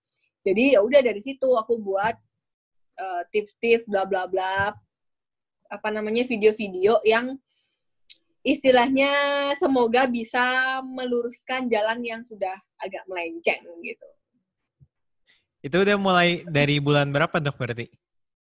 Bulan Mei, buatnya baru bulan Mei itu. Hmm. Jadi aku buat akun baru lagi dan uh, karena akun yang aku buat buat dance dance dulu itu kan ini udah kayak bulan Januari aku pakai itu pun kayak cuman sekali tuh dua kali upload gitu terus habis itu aku bikin lagi di Mei itu pakai nama uh, pakai nama Dokter Z jadi ya startnya di Mei itu tapi emang aku sering lihatnya dok misalnya kayak tadi aja hari ini aku baru banget lihat jadi dia ada yang cerita tentang masker. Maskernya itu pokoknya warna abu gitu lah. Terus dia ngomong kayak masker ini gila banget dari muka aku yang kayak gini. Terus udah jadi mulus lah. Nah, itu tuh kayak racunnya tuh bener-bener parah banget dok. Misalnya nggak tahu ya itu bagus atau enggak. Kalau misalnya bagus ya bagus lah. Tapi kalau itu jelek kayak orang-orang tuh bener-bener kayak yang banyak banget mau masker itu. Banyak yang pengen beli banget. Jadi iya, iya di situlah saya kayak merasa amazing di TikTok. Gila banget. Jadi ya, hmm, istilahnya uh, apa yang orang lain pakai itu belum tentu memberikan hasil yang sama kalau kita pakai gitu. Jangan jadi jangan melihat video ini uh, terus langsung tiba-tiba beli gitu tanpa lihat uh, komposisinya apa tanpa cari tahu dulu gitu. Meskipun hmm. aku ya, meskipun kayak misalnya aku rekomendasiin apa namanya uh, sampo ini, misalnya aku rekomendasiin sampo mana sih semua kelihatan nah, misalnya aku ah. rekomendasiin sampo ini gitu ya. Ini bagus nih di aku, rambutnya begini begini begini. Saat kamu melihat itu kamu harus kayak berpikir lebih kritis lah kayak lihat dulu komposisi belakangnya apa dan segala macam. Siapa tahu di aku bagus, karena aku tidak alergi terhadap salah satu bahan yang ada di situ. Nah, hmm. kalau misalnya kamu alergi dan kamu mendapatkan misalnya efek samping jadi gatel-gatel gitu ya, ya itu permasalahan di kamu gitu loh. Karena sekali lagi kulitku dan kulitmu adalah kulit yang berbeda. Hmm. Gitu. Jadi kalau aku lebih kayak pengen orang itu belajar untuk melihat komposisi gitu lebih kritis saja gitu loh. Jangan langsung tiba-tiba ikut-ikutan apalagi brand oriented gitu. Kayak biasanya orang kan lebih ke arah dok rekomendasi dong merek merek merek hmm, ya kan. iya, iya, iya. Nah, ini lagi gitu. Misalnya belum tentu merek itu tuh cocok di semua orang gitu. Misalnya kayak semua kulit bisa terima gitu loh. Memang ya bukan bukan berarti cocok-cocokan ya, tapi lebih ke arah kulit kamu bisa tolerable nggak, bisa lebih nerima nggak gitu loh. Sekali lagi kan komposisinya banyak tuh di sana kan. Tapi berarti ada gak dok brand yang bener-bener kayak yang buat kulit yang paling sensitif lah. Kayak komposisi dia tuh bener-bener yang gak bikin alergi banget. Ada nggak? Uh, tidak ada satu brand yang benar-benar kayak semua orang bisa pakai gitu. Misalnya kayak uh, even yang paling sensitif pun kalau dalam satu kandungannya itu misalnya nih dia pakai hyaluronic acid. Eh, hyaluronic acid jarang banget ya, kayak bener-bener literally jarang orang alergi, mungkin hampir nggak ada. Uh, tapi dalam campurannya misalnya dia pakai uh, untuk membuat istilahnya krimnya ini lebih awet, salah satu pengawetnya tuh yang semua orang pakai dia nggak apa-apa, tapi dalam tanda kutip mungkin ada ada satu banding 10 juta orang gitu kan yang alergi kok dia apes banget ya alergi sama itu gitu. Jadi ya bisa menimbulkan reaksi gitu. Hmm. Jadi memang ah, istilahnya tidak ada yang sempurna lah gitu. Tetap aja ada kayak misalnya sunblock. Aku tuh kemarin lagi cobain sunblock satu satu merek yang aku lihat di TikTok tuh bagus kan. Jadi aku kepo. Apakah Keracun juga ini dokter juga. apakah bagus itu ya kan? Soalnya kan aku tuh aku suka banget sama sunblock. Jadi kayak aku tuh cobain sunblock gitu loh. Terus setelah aku pakai memang sih aku nggak apa-apa. Terus aku tuh setelah aku scroll scroll lagi, aku lihat TikTok kayak mungkin dua minggu lalu apa ya? Ada loh yang nggak cocok sama sunblock itu, kayak bilang sunblock itu jelek. Hmm. Gitu. Jadi kayak sebagus apa pun produk gitu, ya pasti ada yang tidak uh, merasa tidak kulitnya tidak bisa menerima. Hmm. Pantas banyak meskipun merek. udah Iya, meskipun sudah tulisnya hipoalergenik ya. Jadi kayak kamu jangan notabene percaya bahwa ada, kalau sudah ada tulisannya hipoalergenik berarti tidak akan menimbulkan alergi. Oh, itu tidak benar karena brand A dan brand B mungkin sama-sama tulisannya hipoalergenik, brand B juga hipoalergenik. Tapi hipoalergeniknya brand A itu mungkin tidak sama dengan hipoalergeniknya brand B, standarnya berbeda. Jadi jangan dipukul rata kalau tulisan hipoalergenik itu semuanya aman bisa pakai gitu. Karena hmm. setiap brand itu punya standar yang berbeda loh gitu. Oke deh dok. Selanjutnya impian dokter ke depannya. Impianku ke depannya. Impianku ke depannya aku aku berharap ini impian jangka pendek apa jangka panjang? Jangka panjang, jangka panjang. Dokter mau jadi apa? Oh. Mau apakah mau jadi dokter spesialis profesor atau misalnya jadi artis itu dok? Oh oke. Okay. aku sih lebih nggak, maksudnya kayak lebih inginnya sih ya apa ya aku aku gitu sih aku bingung ya karena impianku banyak banget loh Will gimana dong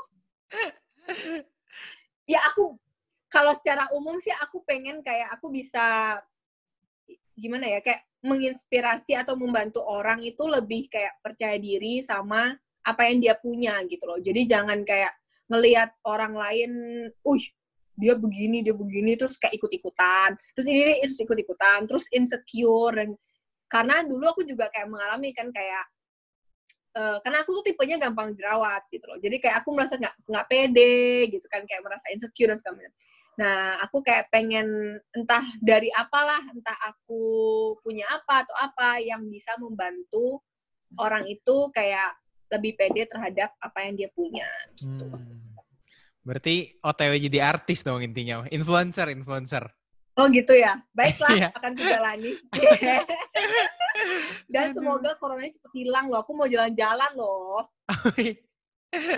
Iya ini corona naik terus dok sampai sekarang juga. Eh iya, aku penasaran dok. Kalau misalnya dokter kan sekarang jadi dokter estetik dok. Kalau tapi kalau ada orang penyakit gitu masih bisa ditanganin sama dokter kan? Atau udah nggak bisa? Tergantung penyakit, tergantung penyakitnya. Kalau penyakitnya udah bener-bener disease atau penyakit banget, biasanya aku rujuk ke ini sih spesialis kulit dan kelamin. Hmm. Enggak, tapi kalau kayak uh, dokter jaga kayak di UGD gitu boleh nggak? Oh bisa, kan dokter hmm. umum. Kan basicnya kita semua dokter umum. Jadi dokter spesialis apa pun itu pasti basicnya dokter umum. Jadi kalau mau kerja di rumah sakit ya boleh. Selama kamu berkenan dan kamu mau dan surat izin praktekmu masih ada mah boleh. Tapi kalau saya pribadi, entah kenapa saya tidak suka UGD. yang suka UGD sih dokter Jo tuh dia yeah. suka banget sama rumah Beda sakit. banget. iya beda banget pokoknya aku nggak suka sumpah kayak kayak dulu tuh aku tuh bingung kan aku pernah sharing di Instagram kayak aku tuh nulis kayak aku tuh bingung dulu tuh kayak Tuhan suruh aku masuk kedokteran buat apa ya gitu kayak aku tuh bener-bener literally nggak suka sama rumah sakit. Setelah aku koas sih sebelum aku koas tuh aku pengen jadi dokter. Memang itu memang tuh uh, cita-citaku. Terus setelah aku lulus uh, pendidikan koas kan kita kayak hmm. magang di rumah sakit. Nah itu aku kayak merasa aku nggak suka sama rumah sakit kayak aku salah jurusan ini aku kayak gitu kayak kenapa Tuhan gitu terus ya mungkin maksud Tuhan adalah aku dibawa ke arah ini gitu. Hmm. Tapi ya, emang memang kan kita taunya kan belakangan ya. Hmm.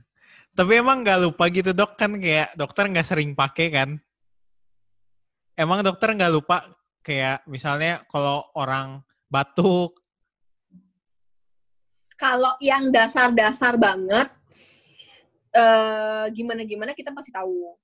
Hmm. Pasti ingat, nggak mungkin lupa sih, karena itu kan kayak kita apa ya ya kayak kayak ilmu basic banget gitu dan kita sudah kayak bertahun-tahun belajar itu doang gitu kan tapi kalau yang mendalam-mendalam dan sudah berbicara dosis biasanya itu yang mungkin dosis terus merek obat. Nah itu itu yang agak lupa tuh biasanya.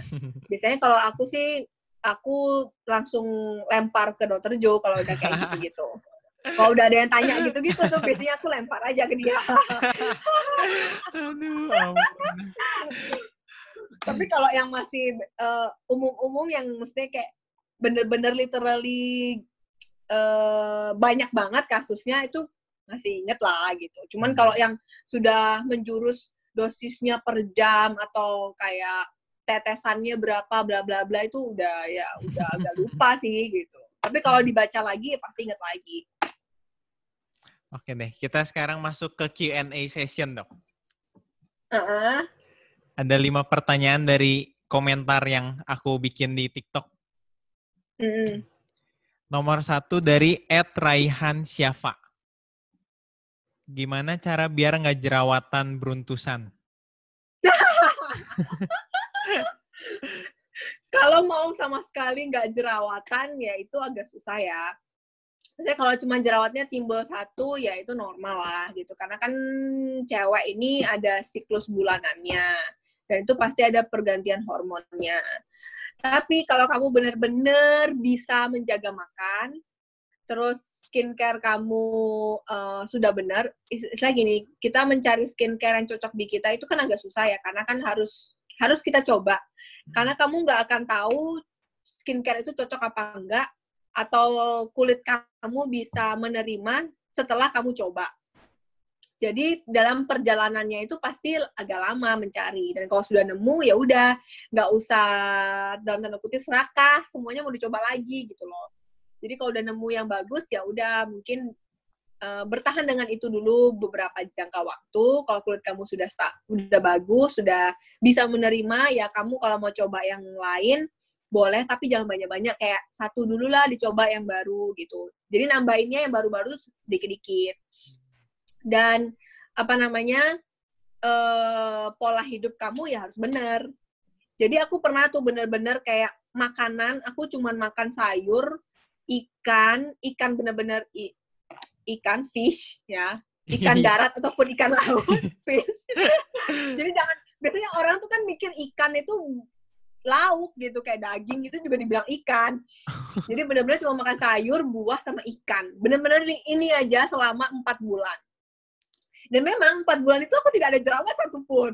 Hmm. ya jadi makanan itu berpengaruh banget. Tapi kalau aku sudah makan ngawur kayak aku makan nasi kebanyakan aja pasti tumbuh di dagu satu yang gitu. kata dokter glycemic acid eh glycemic index glycemic ya? index Hmm. Uh-uh. Karena jadi apa yang aku bagikan di TikTok itu aku udah mengalami sendiri gitu, makanya aku berani bagiin. Jadi kayak aku udah coba semuanya kalau masalah jerawat itu. Jadi memang makanan itu berpengaruh banget. Jadi kalau kamu mau bener-bener bisa makan bersih, eating clean, bener-bener makannya sayur, salad, terus ikan, kamu cuma rebus doang gitu kan.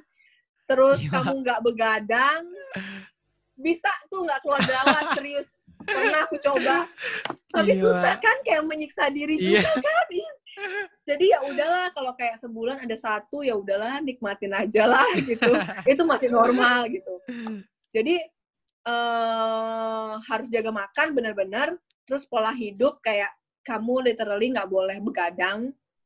Terus sama skincare-nya harus uh, teratur. Bisa kok. Asal ya itu tadi kuat. Tapi kalau beruntusan gimana dok? Kan dia nanya juga lebih spesifiknya biar nggak beruntusan. Kalau beruntusan itu terjadi kan karena pori-pori yang tersumbat. Ya sama jadi karena pori-pori jerawat itu kan dari beruntusan. Jadi kalau kamu eh, apa makanannya tidak benar, berpengaruh juga ke kelenjar minyak. Kelenjar minyakmu berpengaruhlah ke beruntusan itu tadi gitu. Hmm. Jadi istilahnya gabungan dari itu makanan, pola hidup sama skincare. Berarti kalau kayak beruntusan banyak di jidat gitu, itu gara-gara makan ya dok? Uh, kalau di jidat biasanya coba kamu cek produk rambut.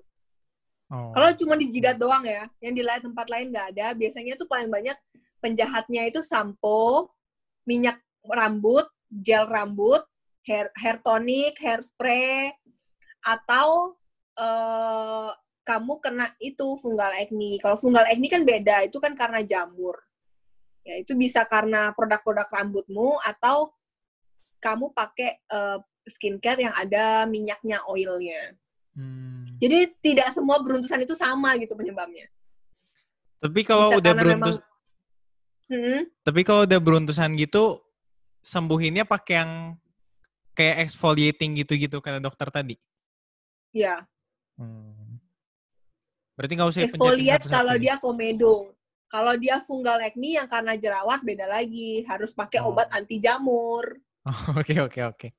Berarti antara jamur atau beruntusan komedo ya? Ya, oh. true. Oke, mantap. Lanjut nomor dua. Dari Ed dan N. Gimana cara cari tahu skincare yang cocok untuk kulit kita? Cobain ya dok.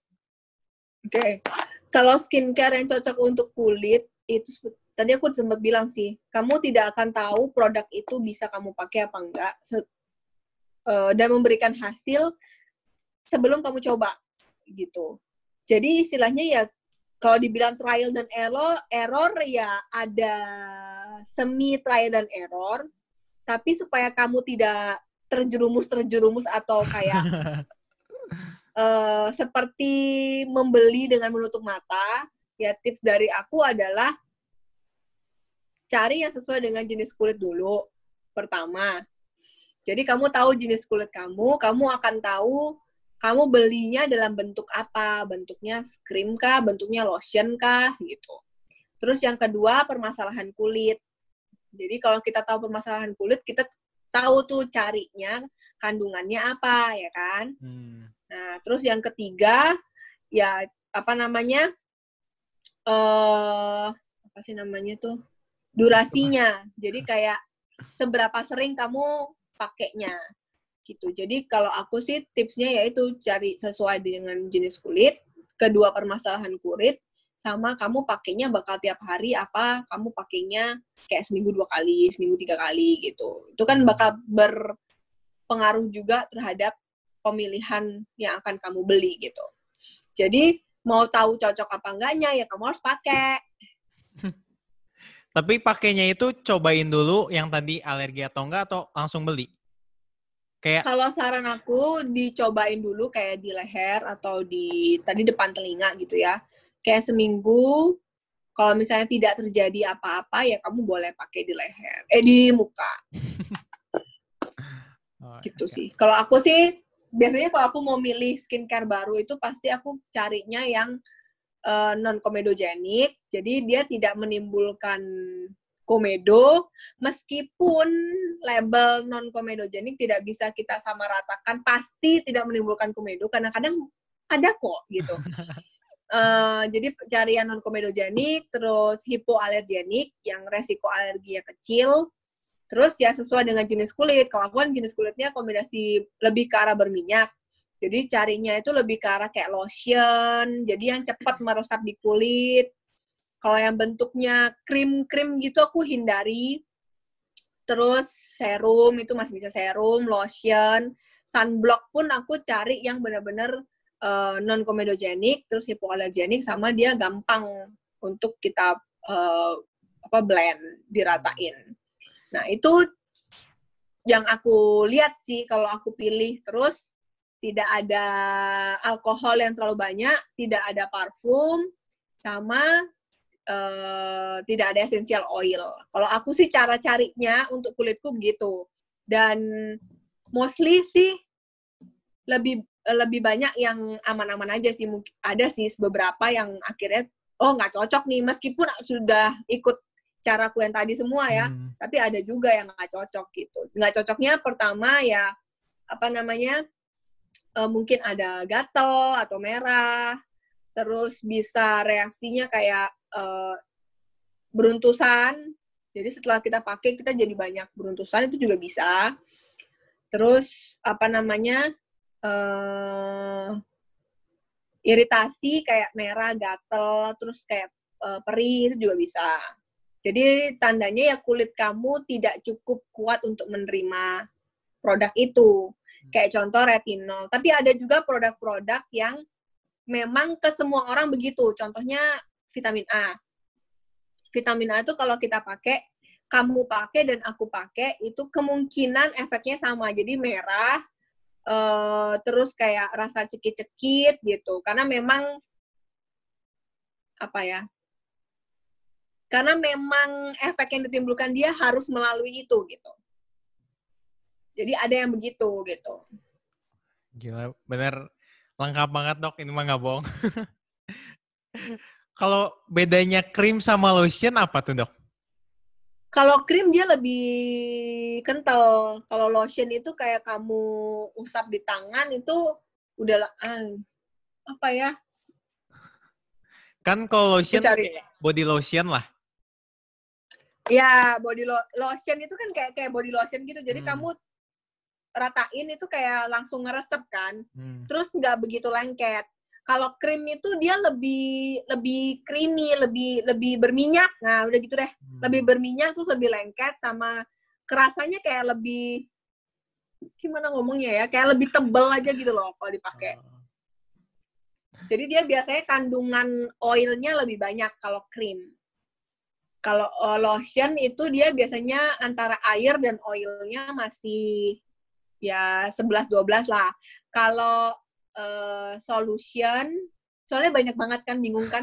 Kalau solution itu lebih banyak airnya. Kayak toner itu juga lebih banyak airnya. Kalau serum juga uh, mostly lebih banyak airnya. Tapi tidak menutup kemungkinan dalam bentuk uh, oil. Oke hmm. oke okay, okay, dok nomor tiga. Pusing kebanyakan. Pokoknya berarti makin kulitnya kering makin pakai yang lebih encer ya Nah, kalau kulit kering justru harus pakai yang lebih kental. Oh, kebalik. Berarti makin minyakan kulit makin yang kan encer. berminyak. Hmm. Jadi aku carinya yang encer-encer. Oh iya, terus kalau kulit kayak di uh -huh. Kalau kulit berminyak tuh harus tetap harus pakai pelembab ya, Dok? Iyalah, semua jenis kulit pakai pelembab. Oh, itu, kan aku nggak ngerti sih siapa yang buat gosip itu ya awalnya ya.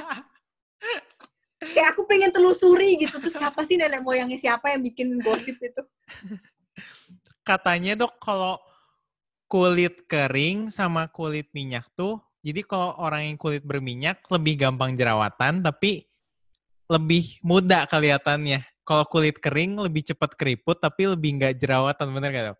Ya ya true. Uh. Itu itu bukan mitos itu itu fakta. Oh itu benar. itu benar karena kalau kulit berminyak itu kan jadi kulit kita itu sudah ada dalam tanda kutip pelembab alami kan mm. minyaknya itu jadi kayak pelembab jadi chance kulit itu untuk melip uh, melipat berkerut itu dia lebih sedikit karena sudah ada pelumasnya tuh jadi dia akan terlihat lebih awet muda kayak aku kan. Nah. Tapi kalau kulit kering itu akan terlihat lebih cepat lebih terlihat tua karena ya tadi gampang keriput. Karena pelembab alaminya dalam tanda kutip minyak wajahnya kan sedikit. Hmm. jadi kulitnya itu kalau dia melipat-melipat gitu lebih susah untuk kayak balik gitu loh. Kalau kamu merip kayak kertas deh kamu lipat pasti ada garisnya kan jadi kulit kita itu kenapa bisa berkeriput karena ya kita gerakin jadi otot-otot di wajah kita tuh setiap dia bergerak kulit di atasnya akan melipat gitu jadi kalau nggak ada pelembabnya, nggak ada pelumasnya, dia kering, semakin kering, semakin dia bekasnya istilah dalam tanda kutip susah untuk balik gitu. Hmm. Tapi kalau kulitnya kering tapi pakai pelembab, sama aja kayak kulit yang berminyak dong. Nggak Asalkan dia bisa memenuhi uh, apa namanya kadar hidrasi kulitnya ya bagus. Tapi ya tetap lagi namanya yang apa namanya dari dalam sama booster dari luar mungkin agak berbeda. Oh. Tapi asalkan kamu pakai pelembab, rajin dan sebagainya itu bisa mengurangi lah kayak resiko untuk berkerut. Tapi balik lagi tetap yang udah ada pelembab alaminya juga tetap harus pakai pelembab lagi ya? Iya lah. Soalnya mungkin pandangan orang ini kayak minyakan aja udah jerawatan, tambah pelembab lagi, makin-makin lagi dok. Enggak, justru dengan kamu pakai pelembab itu akan membuat lebih balance. Hmm. Gitu. Carinya berarti pelembab yang lebih banyak airnya ya, yang lebih cair. Yes. Lebih gampang meresap di kulit. Biasanya kalau krim itu kamu oles di tangan, dia kayak entah kenapa kayak merasanya nggak ngeresep gitu loh, kayak ada lapisan di luarnya gitu. Hmm. Nah itu mungkin lebih benefit untuk kulit kering. Kalau kulitnya berminyak, carinya yang lebih gampang masuk gitu, kayak ringan gitu pelembabnya. Oke oke, nomor tiga dok. Dari Ed Setia, cara ngilangin bintik-bintik hitam di hidung dan contoh skincare. Oh, kayaknya ini komedo mungkin ya komed ya mungkin itu maksudnya komedo ya. Jadi komedo di hidung ya kayak tadi aku bilang pokoknya double cleansing sama exfoliate hmm. secara regular. Tiap hari regular tuh. Kalau uh, exfoliate ya tergantung. Kalau kamu pakai toner ya tadi kan seminggu satu sampai maksimal tiga kali udah maksimal banget. Tapi kalau uh, kamu ke dokter ya sebulan sekali gitu. Dengan double cleans double cleansingnya tiap hari. Ma tiap malam. Sehari cuma sekali. Oke okay. nomor empat. Dari Ed Sung Soloking uh, bagaimana cara menghilangkan kutu pada rambut dengan bahan seadanya bahan seadanya kayaknya agak susah ya karena kutu rambut itu kan dia binatang ya jadi kalau misalnya kamu templokin macam-macam itu tidak akan membantu apa-apa. Biasanya kita akan uh, resepkan obat yang ada kandungannya kayak contoh permetrin, itu nama nama kandungan obat. Permetrin dan kawan-kawannya itu biasanya dipakai kayak uh, 8 sampai 24 jam atau ada yang 12 jam terus dibilas.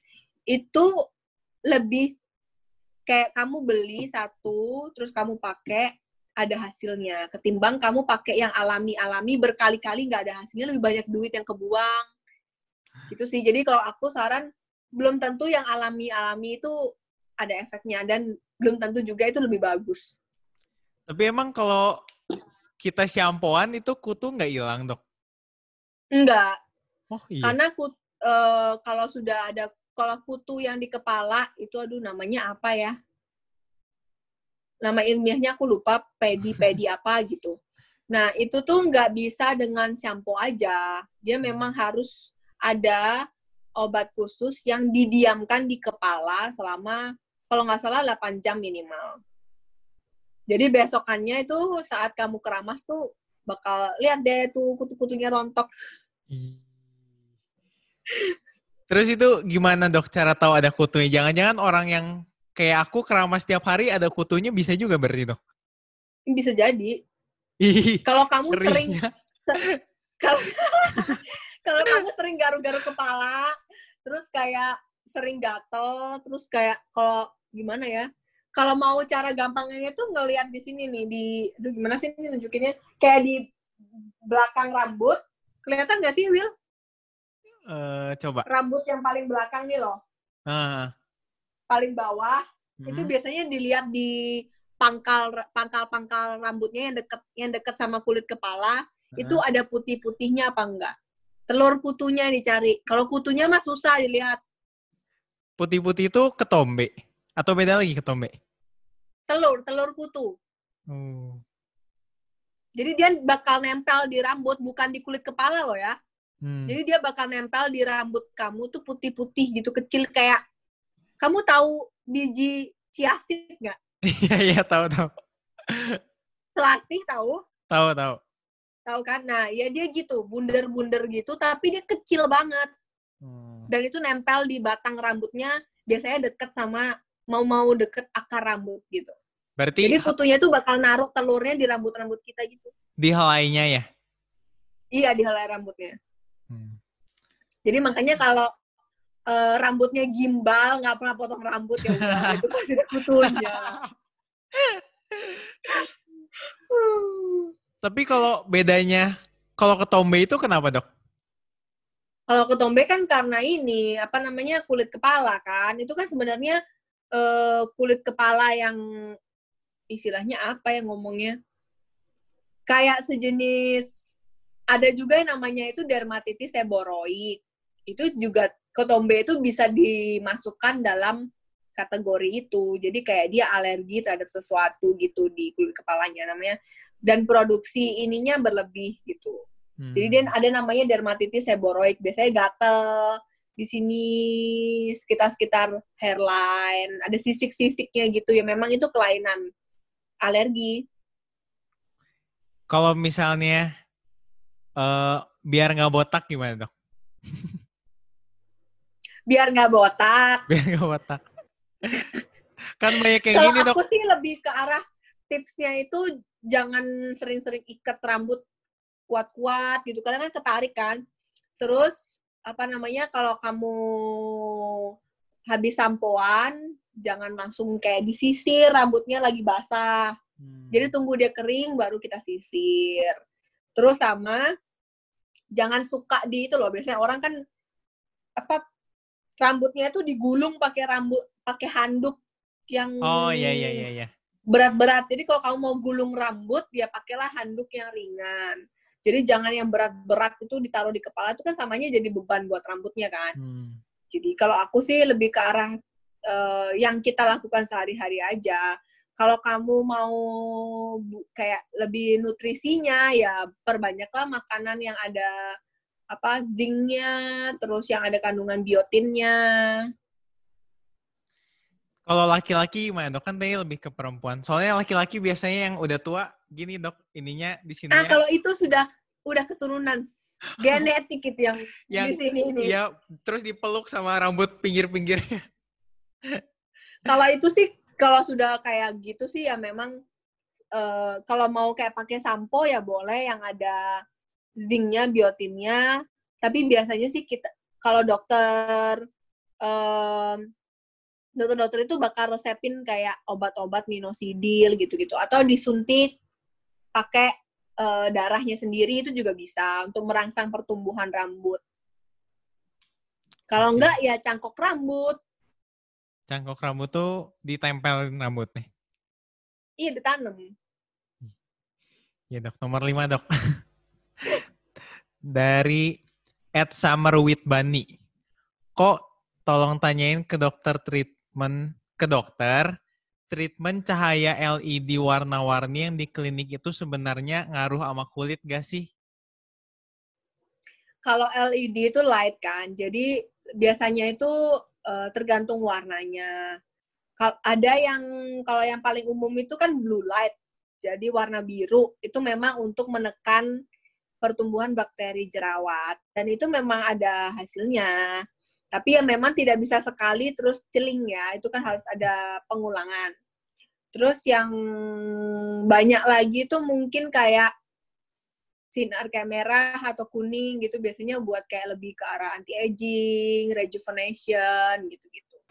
Ada juga yang untuk healing, jadi kayak misalnya kamu ada luka itu disinar supaya lukanya lebih cepat kering. Ada hasilnya sih, tergantung gelombangnya, makanya warnanya itu dipengaruhi oleh gelombangnya. Itu tuh sinar LED lampu gini, Dok. Bukan, dia mem oh. dia bukan lampu kayak lampu gini. Dia uh, ada alatnya khusus yang memang mengeluarkan sinar yang berwarna-warni itu. Gitu. Oke oke. Ya udah dok, sudah beres dok. Udah hampir dua jam kayaknya sama dokter ngobrol. Oh ya? Nggak ada jam di sini. Kayaknya ini podcast paling lama dok. Podcast aku paling lama sama dokter ini hampir oh, dua oh, ya? jam. Hmm, biasanya mentok mentok mentok pun satu jam setengah lah. Kayak kemarin sama dokter Jo sejam setengah kayaknya. Oke deh, semoga deh. Uh, membantu dan semoga banyak yang didapat. Hmm, amin. Semoga banyak yang nonton juga Ji, banyak yang mengerti. Iya, amin amin amin amin amin amin. Oke deh, thank you dok. Oke, okay, thank you. Sampai jumpa.